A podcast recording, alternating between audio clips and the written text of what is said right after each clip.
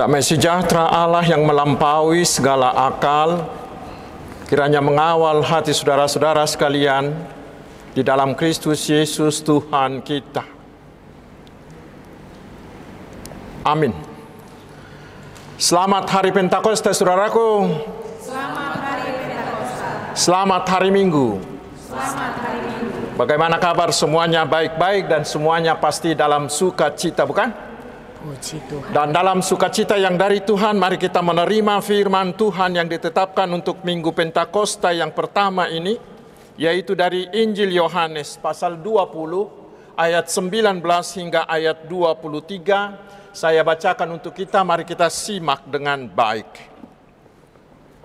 Ketika hari sudah malam pada hari pertama minggu itu, berkumpullah murid-murid Yesus di suatu tempat dengan pintu-pintu yang terkunci karena mereka takut kepada orang-orang Yahudi.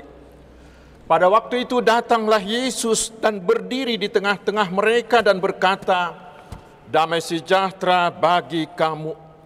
Dan sesudah berkata demikian, ia menunjukkan tangannya dan lambungnya kepada mereka. Murid-murid itu bersuka cita ketika mereka melihat Tuhan. Maka kata Yesus sekali lagi, damai sejahtera bagi kamu. Sama seperti Bapa mengutus aku, demikian juga sekarang aku mengutus kamu. Dan sesudah berkata demikian, ia mengembusi mereka dan berkata, malah roh kudus. Jikalau kamu mengampuni dosa orang, dosanya diampuni. Dan jikalau kamu menyatakan dosa orang tetap ada, dosanya tetap ada. Demikian firman Tuhan. Saudaraku yang dikasihi Tuhan Yesus Kristus, firman Tuhan yang menyapa kita hari ini bercerita tentang perjumpaan murid-murid dengan Yesus yang telah bangkit. Yesus berjumpa dengan murid-muridnya itu merupakan salah satu bukti bahwa Yesus itu benar-benar bangkit. Tetapi bukan hanya itu saudaraku. Perjumpaan ini bukanlah perjumpaan dia uh, perjumpaan yang biasa. Biasanya kalau orang berjumpa ada beberapa kemungkinan yang terjadi. Ada perjumpaan yang berkobar-kobar. Itu biasanya perjumpaan dari orang-orang yang bersahabat atau mungkin mereka tidak sudah lama tidak bertemu. Tetapi ada juga perjumpaan yang dingin, yang suam-suam kuku. Seperti banyak orang yang tidak saling mengenal. Tetapi ada juga perjumpaan yang saling menghancurkan. Seperti tawuran, seperti berkelahi. Tetapi perjumpaan Yesus dengan murid-muridnya ini adalah perjumpaan yang penuh makna dan membawa perubahan. Lalu pertanyaannya, apa rupanya yang terjadi pada perjumpaan Yesus dengan murid-muridnya itu? Saudaraku kita tahu bahwa sesudah Yesus dikubur, murid-muridnya itu sangat ketakutan. Karena mereka melihat Tuhan atau guru mereka itu sudah dibunuh secara mengerikan. Maka mungkin kamilah yang akan menjadi buruan selanjutnya. Itu pikir mereka. Terutama setelah ter tersiar kabar bahwa Yesus itu telah bangkit dan imam-imam kepala telah membuat berita palsu bahwa mayat Yesus itu telah dicuri oleh murid-muridnya. Maka mereka ber berpikir mereka akan segera menjadi tersangka. Itu yang membuat mereka menjadi takut sekali. Tetapi saudaraku ketika Yesus muncul, ketika Yesus hadir berjumpa dengan mereka, keadaan itu sontak berubah total. Ketika Yesus menyapa mereka dengan sapaan damai sejahtera bagimu.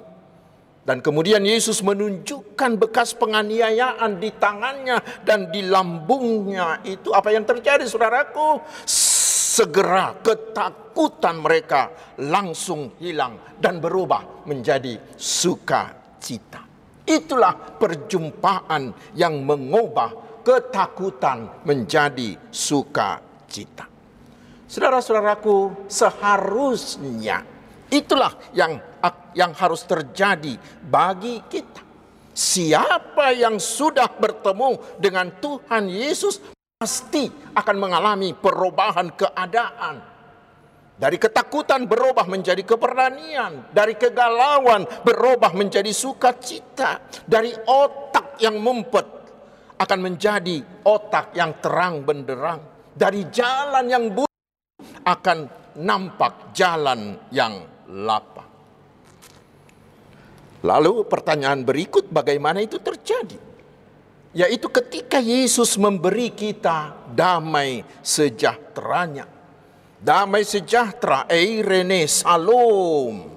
Itu bukan hanya berarti ketiadaan perang dan ketiadaan pertentangan, tetapi lebih dalam lagi. Di mana ada keserasian, di mana ada keutuhan, kebaikan, kesejahteraan, dan keberhasilan di segala bidang kehidupan. Itulah shalom. Lalu sekarang bagaimana dengan kita? Apakah kita sudah, apakah kita juga sudah mengalami perjumpaan yang benar dengan Tuhan Yesus? Apakah kehadiran kita di gereja setiap minggu sudah membuat kita mengalami perjumpaan yang benar dengan Tuhan Yesus? Apakah ketika kita membaca Alkitab atau berdoa atau bermeditasi setiap hari kita mengalami perjumpaan dengan Yesus? Dan jika sudah mengalaminya selanjutnya, mari tanya dirimu, perubahan apakah yang sudah terjadi dalam diri kita dalam setiap perjumpaan itu? Perjumpaan sejati dengan Tuhan Yesus akan menghasilkan perubahan suasana hati. Perubahan duka berganti menjadi suka Perubahan takut berganti menjadi keberanian. Perubahan gelap berubah menjadi terang. Itu hal yang pertama saudaraku. Tetapi masih ada hal yang lain. Perjumpaan dengan Tuhan Yesus itu mengubah arah hidup. Murid-murid itu berkumpul di satu tempat agar mereka bisa tetap bersama-sama supaya mereka jangan mudah dihancurkan oleh oleh kekuatan-kekuatan dari luar mereka. Tetapi pintu yang tertutup itu menandakan mereka ingin menyendiri, ingin eksklusif, mereka ingin hidup untuk dirinya sendiri. Tetapi saudaraku setelah mengalami perjumpaan dengan Tuhan Yesus, ketika Tuhan Yesus mengatakan ucapan tadi damai sejahtera bagi kamu, Dilanjutkan lagi dengan sapaan sama seperti Bapa mengutus aku. Demikian juga sekarang aku mengutus kamu di ayat 21. Lihat saudaraku, murid-murid itu langsung berubah lagi. Dan hal ini telah pernah didoakan Yesus kepada Bapaknya di Yohanes 17 ayat 18. Dengan ini Yesus mau menekankan bahwa dia adalah utusan dari Allah dengan misi khusus yaitu untuk menyediakan keselamatan bagi manusia. Dan tugasnya sebagai yang diutus itu sudah diselesaikan oleh Yesus dengan sempurna. Dan sekarang murid-murid itu diutus untuk memberitakan keselamatan itu kepada semua orang supaya semua orang menjadi selamat. Itulah yang mereka alami dalam perjumpaan dengan Tuhan Yesus. Perjumpaan tersebut mengubah arah hidup murid-murid. Selama ini gerak jiwa para murid-murid itu adalah gerak sentripetal. Seperti lingkaran obat nyamuk bakar itu. Gerakan memutar yang mengarah ke dalam. Mereka hanya memikirkan keselamatan mereka, hanya memikirkan kepentingan diri mereka sendiri. Tetapi setelah mengalami perjumpaan dengan Tuhan Yesus, arah itu harus dilobah menjadi gerak yang sentrifugal. Gerakan dari dalam ke arah luar semakin besar, semakin besar.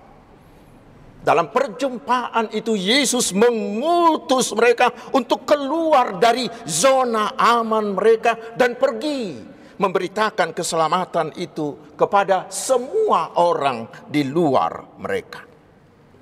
Saudaraku, ucapan Yesus dalam perjumpaan dengan murid-muridnya ini mengingatkan kita dan mengingatkan seluruh gereja sebagai orang percaya di seluruh dunia ini apakah sebenarnya tugas utama kita di dunia ini. Bila Tuhan mendirikan gerejanya di tempat kita masing-masing, apakah seharusnya tugas utama kita? Tugas utama kita adalah tugas pengutusan Tuhan Yesus Kristus ini. Ini yang sering disebut sebagai amanat agung Tuhan Yesus yang tertulis di Matius 28 ayat 19 hingga ayat 20. Itulah tugas penginjilan. Dan Paulus mengatakan bahwa tugas memberitakan Injil ini bukanlah pilihan, melainkan adalah keharusan, adalah kewajiban. Bahkan Paulus mengatakan, bila tidak kita lakukan, maka kita akan celaka. 1 Korintus 9 ayat 16. Sehingga ingat saudaraku, kita-kita ini adalah utusan. Kita-kita ini adalah duta Allah di seluruh dunia ini. Apa tugas kita di seluruh dunia ini? Yaitu memberitahukan, memberitakan kepada semua orang dan kepada seluruh dunia ini bahwa keselamatan sempurna telah tersedia di dalam Tuhan Yesus dan mengajak mereka agar mau menerimanya dengan iman percaya. Dengan memberitakan Injil keselamatan Yesus, kita juga menyebarkan damai sejahtera yang dari Tuhan Yesus kepada semua orang. Saudaraku, perjumpaan ini hendaknya mengingatkan kita, bahkan mungkin menegur kita, menegur kita semua secara pribadi dan juga secara institusi gereja Agar kita jangan ada yang menjadi gereja yang berpusat pada diri sendiri, yang asik mengurus diri sendiri, yang merasa tentram di zona aman kita, di seputar gedung gereja kita. Tetapi kita hari ini diutus menjadi gereja yang sentrifugal, yang harus keluar dari gedung gereja ke arah ke masyarakat masyarakat kepada orang-orang yang belum mengenal Tuhan Yesus.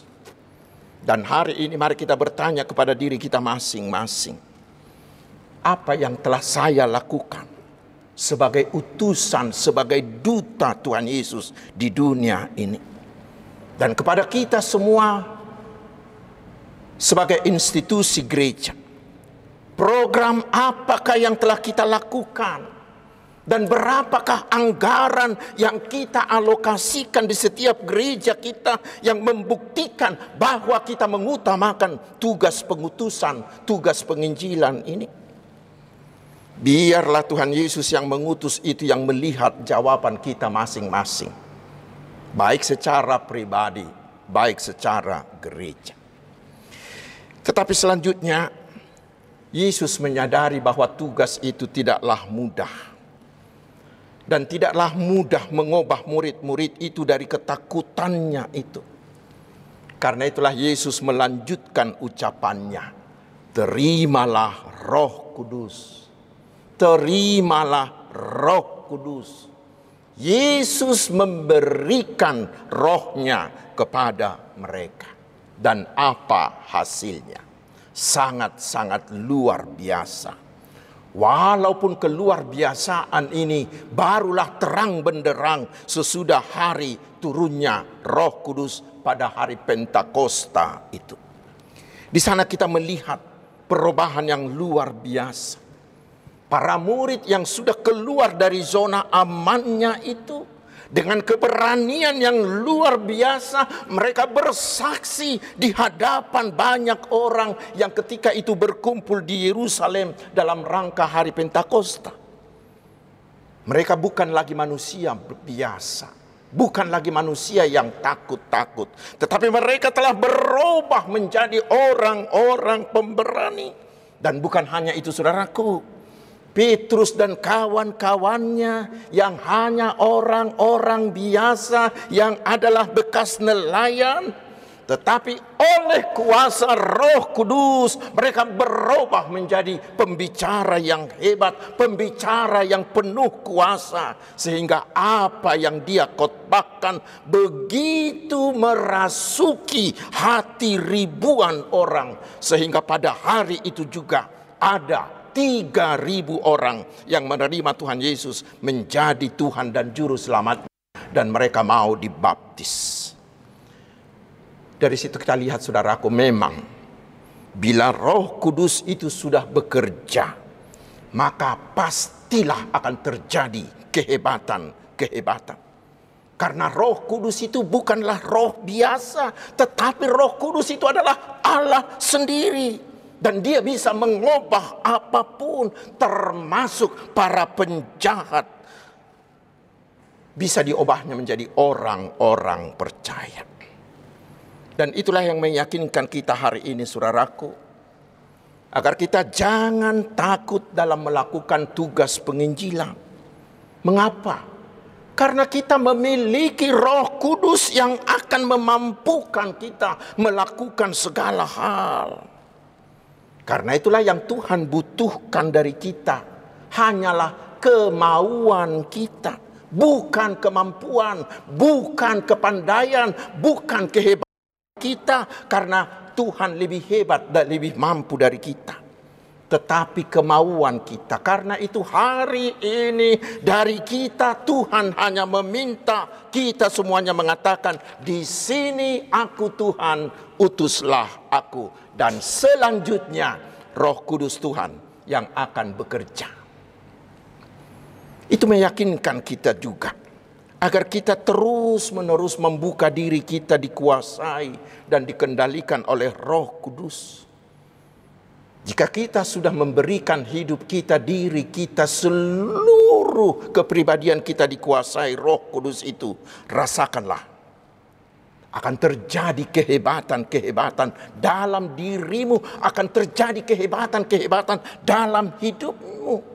Namanya Roh Kudus, dia dapat mengubahmu menjadi orang yang luar biasa. Tetapi masih ada lagi yang menarik dari perikop ini saudaraku kita baca di ayat 23. Di sana Tuhan Yesus mengatakan, "Jikalau kamu mengampuni dosa orang, dosanya diampuni. Dan jikalau kamu menyatakan dosa orang tetap ada, dosanya tetap ada.